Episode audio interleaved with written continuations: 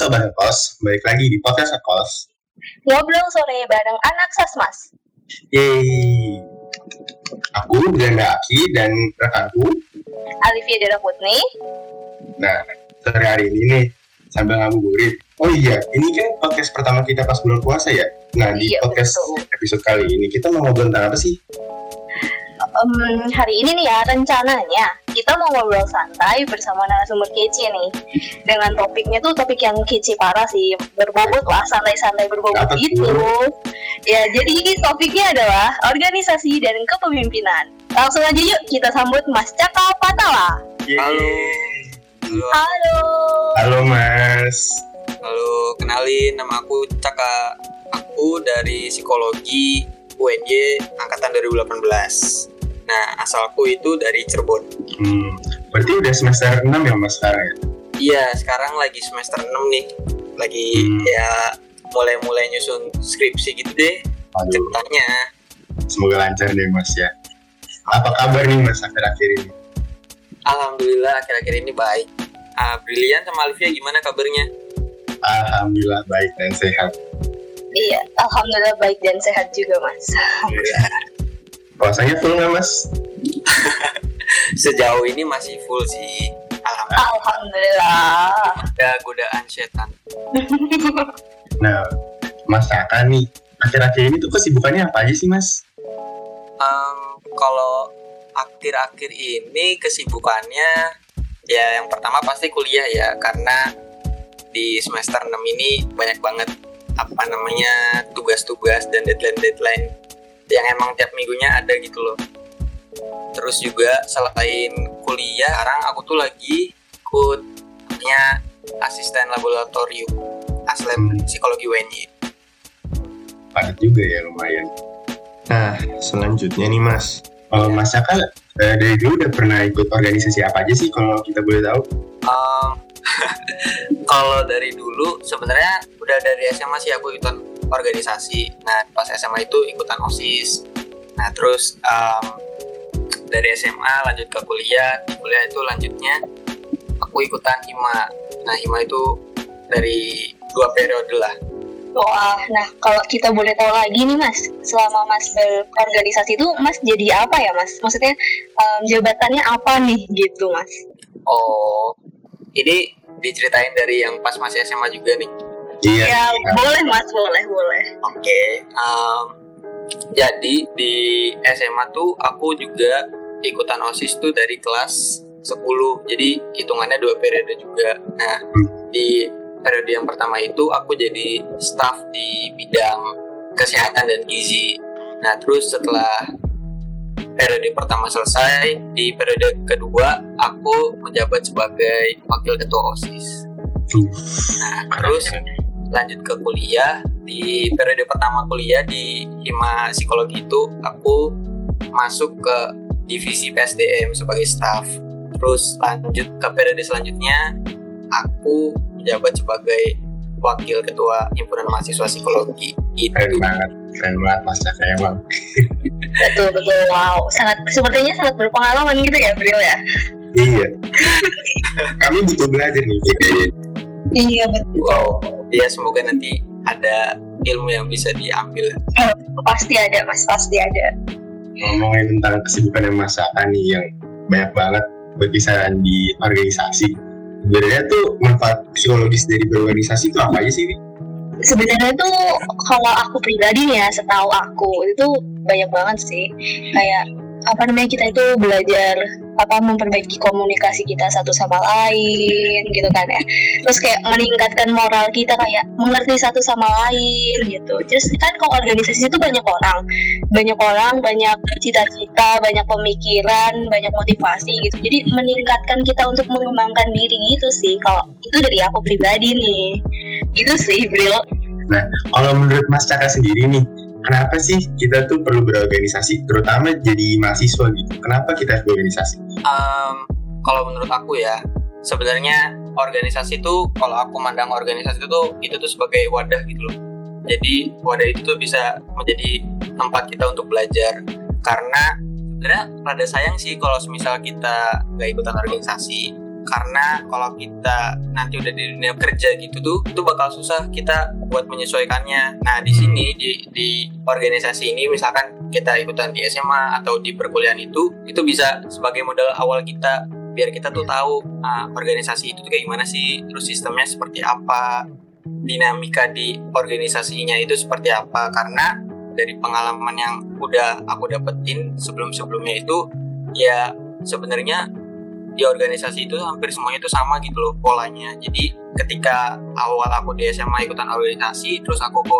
kuliah, itu tuh jadi aku udah nggak kaget gitu loh dengan organisasi yang ada di perkuliahan karena notabene itu gak jauh beda sistemnya seperti itu. Nah itu juga berlaku di, pekerjaan nanti. Hmm, iya sih, menurut aku juga gitu sih. Kan aku juga sering dengar ya, misal dari uh, cuitan orang-orang di media sosial tentang bagaimana kita tuh harus udah siap banting banget lah kalau di dunia pekerjaan. Semua orang beda-beda dan kita tuh harus belajar bekerja sama gitu. Apalagi kalau di organisasi kan emang menurut aku uh, kunci utamanya bisa bekerja sama. Kalau menurut kamu gimana Vi? Opini Mas Jaka? Ya, aku setuju sih karena ya memang betul.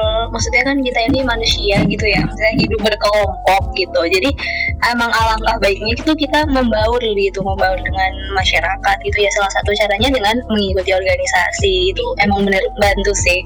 Aku setuju. Nah benar banget nah kan tadi Mas Caka bilang tuh dari SMA ikut OSIS terus kuliah nyambung ke himpunan. Terus tadi sempat jadi wakil ketua gitu kan ya? Wah ketua nih ya. Sama aja kan artinya Mas Caka juga pemimpin gitu. Nah kalau menurut Mas Caka nih pemimpin itu apa sih Mas? Hmm, ngomongin pemimpin. Sebenarnya waktu semester berapa ya? Semester 5 itu dapat mata kuliah namanya perilaku organisasi. Nah di situ juga diajarin tentang kepemimpinan. Nah terus sebelumnya juga di semester sebelumnya itu ada nama mata kuliah namanya dinamika kelompok. Di situ juga ada tentang kepemimpinan. Nah sebenarnya kalau yang dari apa yang aku dapat belajar di matkul tersebut, uh, sebenarnya kepemimpinan itu adalah kemampuan untuk mempengaruhi pengikutnya untuk mencapai suatu tujuan yang telah ditetapkan oleh pemimpin organisasi tersebut. Itu sih jadi sebenarnya pemimpin itu gimana kita bisa mempengaruhi orang lain untuk sama-sama mencapai tujuan yang udah ditetapkan di organisasi tersebut. Iya sih, keren sih, Iya betul betul.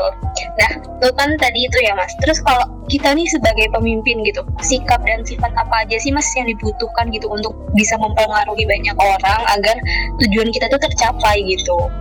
Sebenarnya banyak banget sih maksudnya sikap dan sifat yang emang seharusnya dibutuhin oleh pemimpin cuman kalau bisa diambil beberapa poin tuh ya yang pasti kan karena kita pemimpin jadi perlu ada kemampuan atau sikap memimpin tim nah di di situ jadi kita mencoba untuk memimpin dan mengarahkan orang lain untuk mencapai sasaran dan tujuan tim tersebut atau kelompok atau organisasi tersebut itu terus yang pasti juga kita perlu sebagai pemimpin tuh butuh komunikasi interpersonal yang baik. Jadi gimana caranya kita berkomunikasi dengan jelas dan juga efektif. Gitu. Terus karena ini berhubungan dengan pemimpin di organisasi, yang pasti pemimpin butuh uh, pengorganisasian dan perencanaan. Di situ gimana caranya kita bisa mengatur informasi dan sumber daya yang ada untuk mencapai tujuan kita. Terus juga mempertimbangkan skala prioritas, dan memanajemen waktu yang efektif.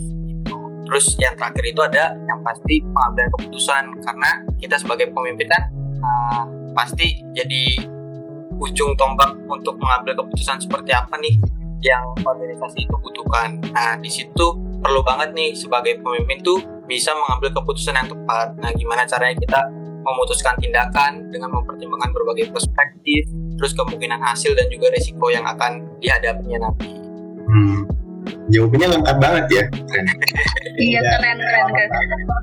Aku kayak tiba-tiba oh iya ya kayak tercerahkan gitu mendengar penjelasan iya. itu wah keren banget keren. pas dengar kayak oh iya bener sebenarnya pemimpin kan emang butuh ini ya. Kita secara nggak sadar sebagai hmm. pengikut gitu ya Vi. Kayak oh iya terus iya, punya pengaruh yang sangat besar gitu loh. Bener banget. Terus juga ya tapi uh, sebenarnya kita semua bisa kok menjadi pemimpin gitu. kan kalau kata orang-orang atau motivator-motivator seminar gitu kan um, memimpin itu kan dimulai dari memimpin diri sendiri itu kan. Bener-bener Asik, betul betul betul banget sih. nah mas kan pemimpin ini kan juga tadi apa yang mas Cakal udah jelasin juga membina anggota- anggotanya kan. Nah gimana sih cara numbuhin sikap sama kemampuan yang mas Cakal udah jelasin tadi itu ke setiap anggota organisasinya Ehm, yang pasti ini ya apa namanya mau untuk memulai. Yang pertama itu sih kayak yang tadi udah aku singgung karena memimpin itu kan datangnya dari masing-masing diri kita sendiri kan. Jadi gimana caranya eh, kita mau untuk memulai untuk memimpin. Nah, salah satu contohnya ya tadi kayak kita bisa mulai dari mimpin diri kita sendiri dulu. Kayak contohnya em, lebih disiplin atau mulai membuat jadwal yang pasti untuk ke depannya kita mau kayak gimana nih gitu jadi punya timeline timelinenya sehingga kita bisa memimpin diri kita dulu lah seenggaknya terus baru nanti setelah emang kita bisa kita baru tuh memimpin orang lain Iya, emang Mas Caka udah di- jago banget jadi pemimpin terus jadi motivator juga nih ya. Iya, betul. lama-lama lama-lama calon motivator nah Iya. Oh, waduh waduh waduh, emang kece parah ya. Oh iya nih Mas. Kan Mas Caka kesibukannya kan bukan hanya tentang berorganisasi tapi juga tadi apa jadi asisten laboratorium ya? iya Apa sih aslep itu? Kok j- mau sih jadi aslep?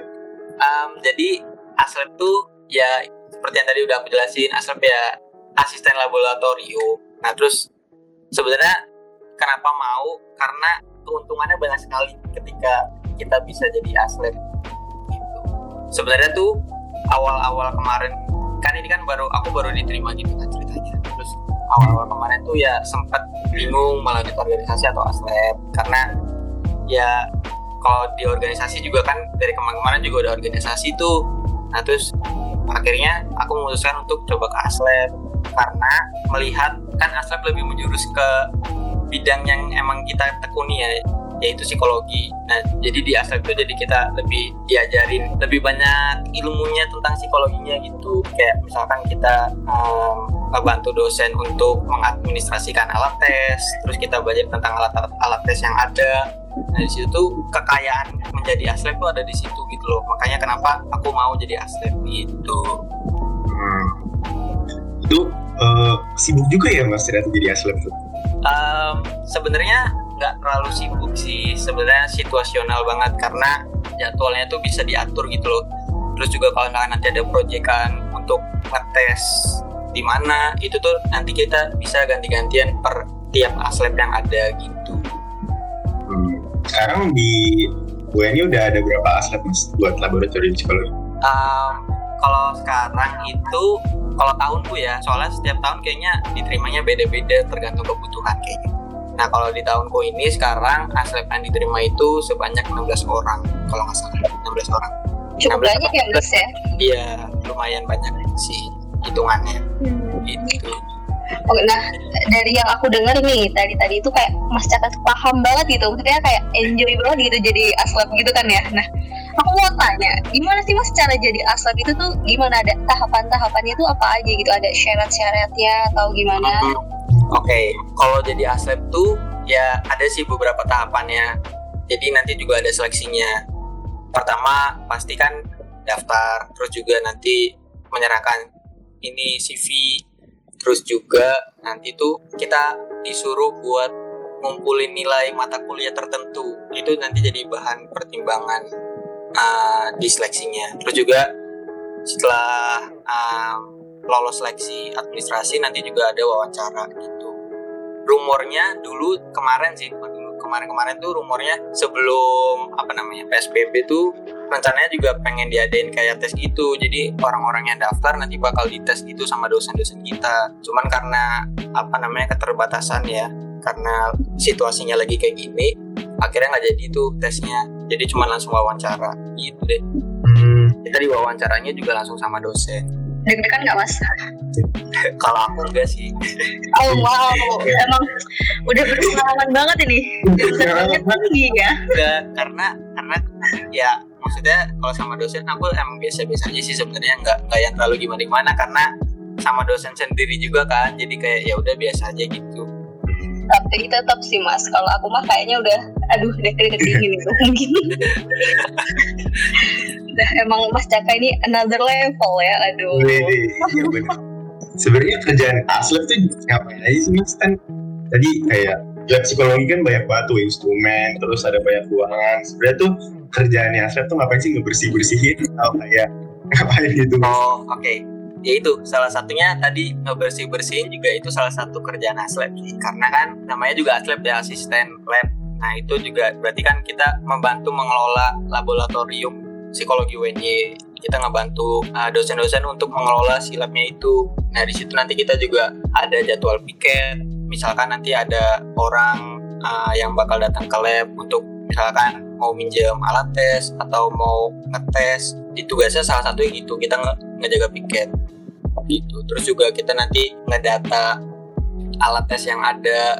Jadi kayak uh, apa ya menginventarisasi si alat tes alat tes yang ada itu sebenarnya menarik Bisa. banget sih buat teman-teman yang nanti punya rencana ke aslab karena kalau misalkan emang teman-teman fokus pengen ke bidang psikologi itu terus masuk ke aslab tuh benefitnya banyak banget deh karena kalian nanti bisa belajar lebih banyak gitu di situ Aslep tuh bisa masuk ke CV nggak sih mas? Bisa, bisa banget. Karena kan kemarin ya teman-teman aku udah ada beberapa orang yang apa namanya ikutan dosen untuk ngetes. Nah, salah satunya kemarin tuh yang terakhir itu ada kita tuh ngetes calon direktur PDAM Gunung Kidul. Nah, itu kan pengalaman yang sangat uh, besar ya karena walaupun kita masih jadi asisten tapi kita bisa ikut serta dalam seleksi calon direktur gitu loh apalagi direktur PDAM gitu nah itu masih banyak lagi tuh tes apa namanya proyekan-proyekan seperti itu gitu menarik banget ya iya sebenarnya itu bisa menjadi nilai plus sih buat kita kita jadi pengen jadi aslep juga ini asik Iya nggak sih? aja nanti. Betul Tapi, betul. Tahu nanti aslep paling ya setelah kalian semester 5 baru bisa daftar. Iya, masuk ke waiting list. masuk ke apa ya? Masuk ke daftar cita-cita lah menjadi aslep ya dari sekarang. Kalau laboratoriumnya aja belum pernah sih. Aduh, aduh, gimana ini? Jangan diingetin dong ya. Ya kita berdoa saja semoga cepat ini berlalu ya semuanya. Amin. Amin.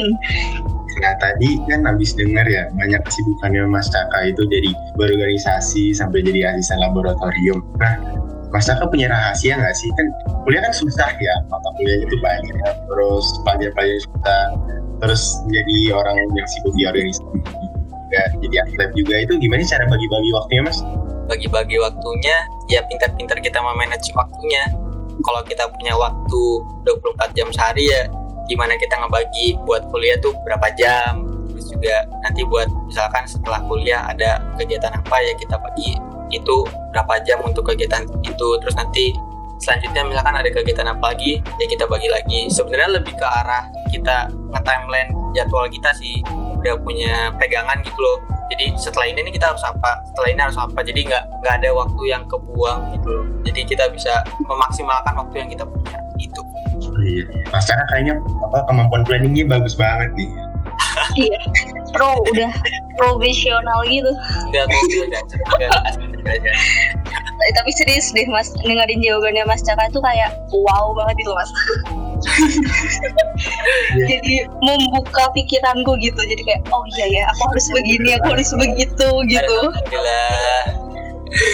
nah tadi itu kan kayak seru gitu ya kayak Mas Caka udah menceritakan apa namanya gimana Mas Caka berorganisasi, Mas Caka berkegiatan sebagai asisten laboratorium gitu kan. Nah itu kan pasti banyak peristiwa-peristiwa yang Mas Caka alami itu ya. Kesan dan pesannya dari semua pengalaman yang Mas Caka udah alami itu tuh gimana Mas? Terutama dalam organisasi nih ya Mas. Oke, sebenarnya kalau untuk pesannya banyak banget sih karena dari dari berorganisasi itu aku jadi punya banyak pengalaman gitu loh. Apalagi kan kalau tadi aku ngebayanginnya organisasi itu kan sebagai wadah. Terus dari wadah itu tuh aku bisa belajar banyak kayak belajar tentang kepemimpinan terus juga belajar tentang kerja sama tim terus belajar memanajemen waktu terus juga di organisasi kan kita juga ngebikin event gitu. Gimana cara kita mengelola event dengan baik memanajemen event itu sih.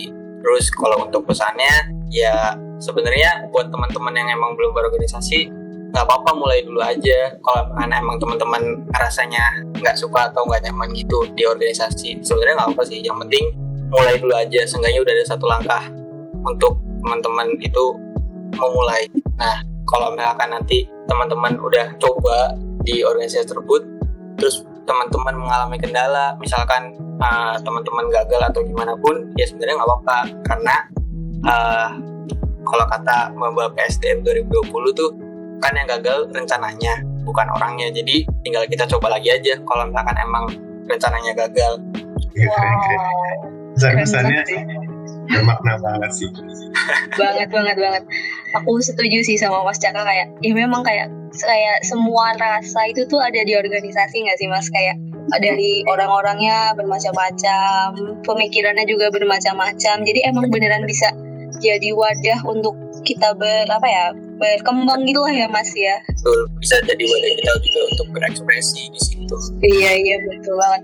Dan aku pribadi juga ya sebelas dua belas lah sama mas Jaka dan, dan pesannya aku tadi um, apa ya mungkin sedikit mengingatkan aja kalau mencoba nyobanya itu bisa lewat magang kan ya mas? Kan ada tuh sebelum kita ah. benar-benar terjun betul, kita ikut magang gitu ya. Betul betul. Seenggaknya kita udah nyoba dulu deh gitu. Tahu iya, iya. Atmosfer si organisasi itu seperti apa gitu. Iya betul betul. Nah kalau dari Brilian nih kayak mana Bril? Iya sih, aku sebenarnya udah setuju banget sama apa yang Mas Saka sama Aliki udah jelasin ya. Kesannya tuh ya emang nyampur banget gitu. Kita bisa melewatkan pengalaman dari orang lain juga. Mungkin bukan kita yang harus ngalamin langsung tapi kita yang lihat kejadian dari teman kita yang berorganisasi juga gitu. Kita juga bisa belajar dari mereka. Nah sama satu lagi berani memulai bener banget. Kan orang magok ya kayak aduh ya nggak ya ya nggak ya takut ntar nggak bisa takut keteter. Bener bener. Tapi kalau udah masuk organisasi kayak menurut aku ya alhamdulillah aku juga ini tuh mau wadah yang nyaman banget kayak semuanya saling membantu satu sama lain terus semuanya asik gitu. Nah, makanya aku kayak senang bisa berorganisasi juga di kuliah ini. Nah kalau buat Mas Caka nih kan tadi udah melakukan banyak hal di perkuliahan ini. Harapan ke depannya apa sih Mas? Cita-citanya apa atau punya harapan apa itu ke depannya?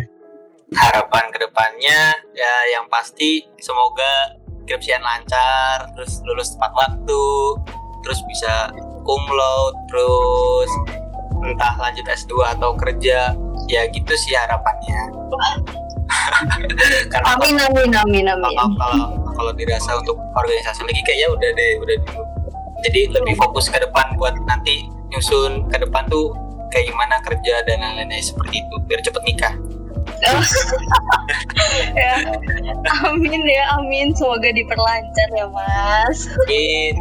amin, amin. Iya, semoga lancar ya Mas skripsinya udah bentar udah semester 6 ya. Udah mulai nyusun judul dong Mas. Udah, udah udah. Jadi tuh sebenarnya di semester 6 ini nih kalau rencana dosen ya tengganya tuh anak-anak semester 6 tuh dapat bab 1 sampai bab 3 lah. Biar nanti semester 7 tinggal ngambil data gitu, ceritanya gitu sih.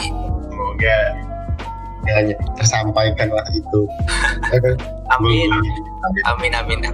Amin amin nah kan mas kan juga jadi aslet ini kayaknya mau jadi psikolog nggak mas? Atau gimana? Ya rencananya sih iya dong pasti jadi psikolog. Kalau rencananya gitu. Oh iya teman-teman nanti yang dengerin jangan lupa follow IG-nya Aslep ya Lab si UNY nanti nanti di description Iya, siap. Link in the description. nah, kita udah sampai di penghujung interview ini. Uh, terima kasih Mas Jaka udah mau diinterview udah. Sama-sama. Aku juga makasih banget loh buat kalian, buat Sosmas, udah ngundang aku buat ikutan ngisi di podcast ngekos. Aku sangat senang. Ya, ini uh. podcast psikologi terbaik ini. Iya, iya, iya dong harus bangga harus bangga nah kita dari sosmas juga mau ngingetin nih buat tunggu tayangnya psikoedukasi selanjutnya ya. Di bulan ini iya, masih ada loh. Iya betul. Dan psikoedukasi itu pasti bakal banyak sih ilmu yang kita bagikan ke teman-teman sekalian. Dan juga kalau untuk tahu konten psikoedukasi itu ada di mana, kalian bisa dia banget lihat di Instagram kita yaitu @himapsiuny, Twitter @himapsiuny, dan podcast ini juga bisa diakses di YouTube kita loh, yaitu dengan channel Hima Psikologi UNY. Oke, sebelum kami tutup, mohon maaf bila ada salah kata atau konten yang kurang menyenangkan. Mohon maaf ya Mas kalau tadi ada yang kurang menyenangkan juga. Iya, uh, mohon maaf juga kalau misalnya tadi ada kata-kata yang emang kurang mengenakan di hati teman-teman. Iya. Kami di sini semua mau berkembang, jadi sama kalau ada kesalahan. Terima kasih pendengar-pendengar setiap podcast ngekos. Uh, terima kasih sekali lagi untuk Mas karena udah ada di sini sama-sama. Terima kasih juga. Iya terima kasih dan mohon maaf untuk semuanya kalau ada kesalahan. Oke jadi sampai jumpa lagi di podcast ngekos selanjutnya. Ngobrol sore bareng anak sosmas. Yeay. Yeay